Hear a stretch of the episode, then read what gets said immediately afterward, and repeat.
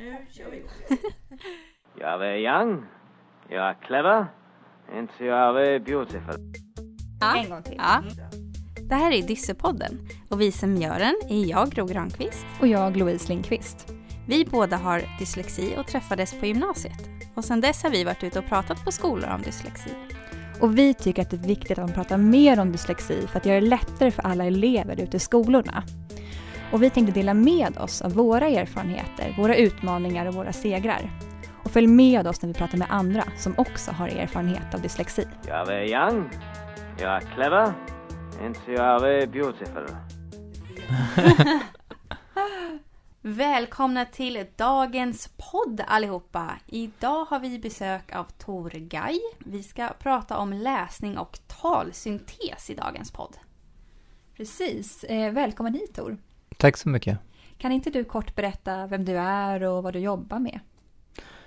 Jag eh, är Torgaj som du sa och eh, är, gick i skolan, jag började skolan 1980, eh, började första klass. Jag jobbar med ett talsyntesprogram. Det är ett program som läser upp från datorn med mänskligt tal egentligen. Kan läsa upp allting som är där. Jättefint. Och du har själv dyslexi? Ja, Mm. precis. Det har jag. När fick du reda på att du hade det? I eh, gymnasiet fick jag reda på det, typ andra året. Det är ganska sent att få reda på att man har dyslexi på gymnasiet. Hur tidigt märkte du själv att du hade svårt för det här med att läsa och skriva? Det märkte jag nog i första klass. Eh, Jag kommer ihåg att jag hade svårt att skriva mitt namn. Eh, Och jag tänkte det för att det är lite svårare kanske än andras namn. I och med att det stavas G-H-A-I och inte eh, som Andersson. Det är säkert inte heller så lätt att skriva det. Men, men det var, så trodde jag att det var då, så i alla fall. Och sen, sen rullade det på så. Jag, jag eh, hann aldrig läsa klart. Ork, tog så slut av att läsa läxor och det som vi skulle läsa klart i klassrummet och sen prata om och sånt. Och hade svårt att stava. Så att det var uppenbart ganska tidigt. Jag blir nyfiken eh, kopplat till det här med att du fick din diagnos på gymnasiet. Var det någonting speciellt som hände då som gjorde att det tog fart med en utredning just då? Eh, nej, jag tror att min mamma väldigt tidigt eh, försökte förstå. För att hon märkte att jag kunde ju förstå saker. Det var inget problem. Men just att läsningen var ett problem. Så att hon, jag tror att hon letade liksom hela tiden efter någonting. Och då hittade hon någon som, som kunde göra en utredning och liksom förstått så pass mycket. På den vägen var det. Fick du någon hjälp i grundskolan med läsning och stavning och sådär? Ja, absolut. Det var, jag fick ju så sjukt mycket hjälp hela tiden. Det var eh, speciallärare och så. Eller det, det var inte så mycket speciallärare. Det var mer lärare som fick uppgift att lära mig. Och jag vet inte ens om alla var lärare. Eh, så jag var på jättemycket mycket sådana tillfällen. Men det var konstigt att man gick ju bort från historielektionen, den vanliga svenska lektionen eller vad det nu var. Och så fick man sitta och, och försöka lära sig att läsa. Så att jag har haft så jätte, jättemycket lästräning. Mm. Fick du använda en talsyntes i grundskolan? Nej, det fick jag inte. Men som jag förstått efteråt så fanns det, men det var, så, väl, det var inte särskilt känt då. Men återknyta till det där som du sa om hjälp. Det var mer att de gjorde det här för att hjälpa mig på något sätt. Men jag kan inte säga att jag fick ingen hjälp egentligen. Jag tror att det var något helt annat som jag hade behövt. Jag hade behövt ha sakerna inlästa, eh, som hade varit ett alternativ, och kanske upplästa, och att man hade sett mina styrkor på ett helt annat sätt. Jag gillade matte jättemycket, men, men det liksom fick jag aldrig någonting för. Jag var, min pappa var engelsktalande och jag kämpade för att få en trea i, i engelska. Men jag kunde ju, jag kunde ju prata flytande liksom. Men, men ja, så på det sättet så känner jag inte så mycket hjälp, men mycket ansträngningar. Trea vill jag bara säga var betygssystemet du hade i skolan. Ja, just det, det var, det var inte så Idag illa har vi som det bokstäver låter. bara så att vi är med ja. på. Ja. Men hur blev det då för dig i matten? Vad var det, hur märkte du av din dyslexi i en sån situation, i ett sånt ämne? Um, Jo, det var, jag hade ju lätt för matte och jag förklarade gärna för mina klasskompisar ibland som inte hade lika lätt för matte hur, hur, hur man räknade och så. Men sen när väl proven kom, då hade man alltid några frågor som var inbakade i text. Det var egentligen samma uppgifter som man fått innan där det stod med siffror och tecken. Bara att nu var det den och den personen som hade så och så mycket av någonting och gav bort så och så mycket och fick så och så mycket och vad, hur mycket hade den personen på slutet. Och de, de var ju absolut inte svårare. Men för mig var de jättesvåra och det var de talen, det var bonustalen, det var de på slutet som man fick lite extra för. Så att jag fick ju, oftast fick jag väl godkänt på de här matteproven, men det var ganska precis. För att jag hade alltid liksom gått, gjort något av de där, sen hade jag inte orkat göra resten. Och senare när jag har läst liknande saker med, med talsyntes, då har jag förstått att det är ju inte alls några svårigheter. Alltså om någon hade läst upp de där talen för mig så hade det inte alls varit några svårigheter. Men, men ja, det var ju, alla ämnen blev ju lästräning. Jag känner igen mig jättemycket där just där med matten. Jag hade också lätt för matte men det när det kom lästal som det blev svårt för mig och jag behövde också uppläsa att överhuvudtaget kunna ta till mig frågorna. Eh, och där tycker jag också blir så himla tydligt att dyslexin finns med oss i alla skolämnen. Jag vet inte hur många gånger jag har mött lärare som har sagt så här att ja men vadå, det här är ju liksom hemkunskap, då påverkas du inte av din dyslexi. Men jo, även i ett sånt ämne eller som matte eller någonting annat så dyslexin finns ju med en om man ska behöva läsa eller skriva. Du har ju gjort en egen talsyntes. Kan inte du berätta lite mer hur en talsyntes faktiskt funkar? En talsyntes tar själva texten och gör om den till mänskligt tal, eller människoliknande tal. Det är väldigt likt, alltså det är ju, det är faktiskt tal som man lyssnar på. Eh, som, som, eh, som talsyntesen läser upp. När använder du en talsyntes idag? Är det både i vardagen och på jobbet, eller hur ser det ut? B både och. Eh, jag använder den jättemycket. Så på, i vardagen så är det alla möjliga så här, information som man som man måste ta ställning till. Eh, eller mejl man måste skicka och då läser jag igenom det igen. Eh, med med talsyntes jag skrivit. Och i jobbet så är det ju hela tiden man lär sig. Jag, jag är programmerare, det har jag inte sagt, systemutvecklare och driver det här företaget med en kollega. Och då är det ju dels man måste lära sig om ny teknik. Eh, och då måste man läsa massor för att förstå. Och sen så, att driva ett företag, det är jättemycket myndighetskontakt, mycket avtal med andra företag också som, som, som måste eh, läsas igenom.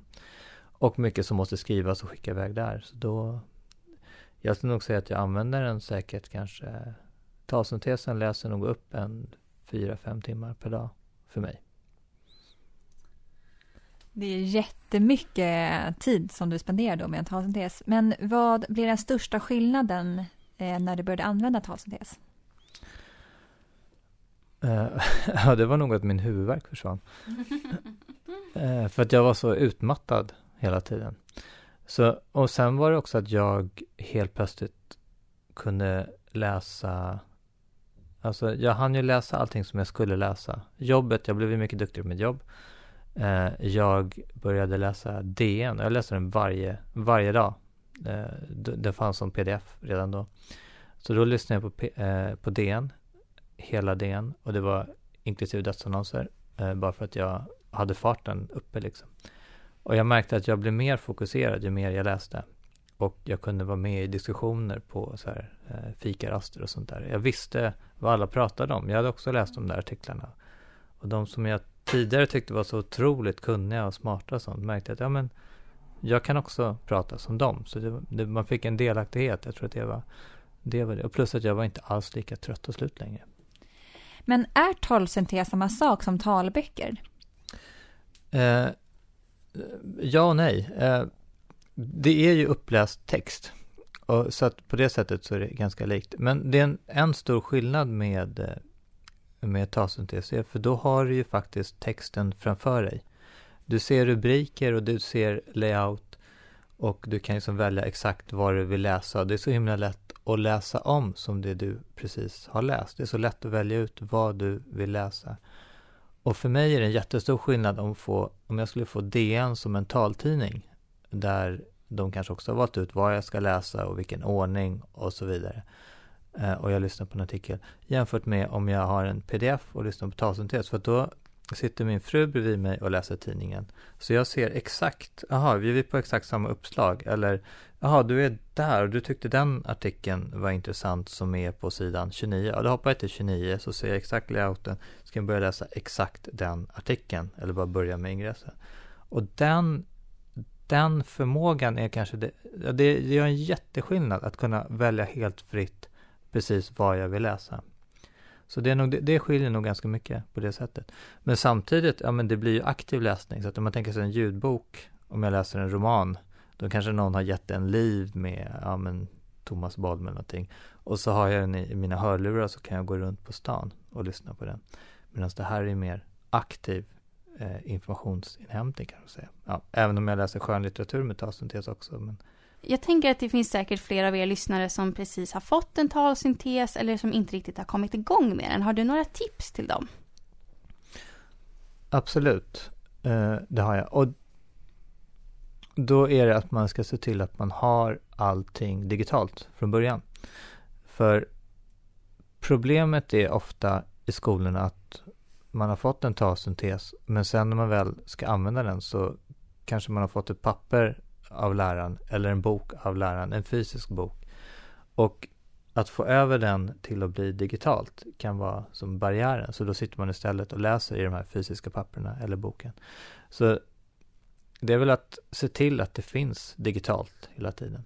Eh, jag upplevde att jag hade lite svårt att komma igång med talsyntes när jag gick i skolan. Jag kommer ihåg att man kunde ändra hastighet och så här, men jag hittade aldrig riktigt vad som funkade. Har du några tips när det kommer till det?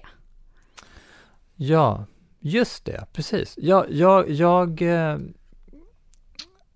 jag läser på ett, ett speciellt sätt kan man säga. Jag läser med ganska hög hastighet. Och för mig är det, jag tycker om att få en helhetsuppfattning av text. Och sen så tycker jag om att gå in på detaljer. Jag gillar verkligen mycket att se hur saker och ting hänger ihop. Och då är inte detaljerna så viktiga. Men sen i nästa steg, när jag vet hur de hänger ihop, då vill jag gå in på detaljer. Och andra tycker ju om att kanske lära sig gå in på detaljer och förstå detaljer och sen bygga upp en helhet. Så där måste man hitta sitt eget sätt att läsa.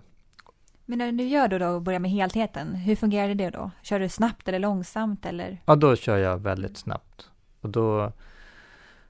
Eh, om man tänker sig ett vanligt tal eh, är ungefär 100 ord per minut.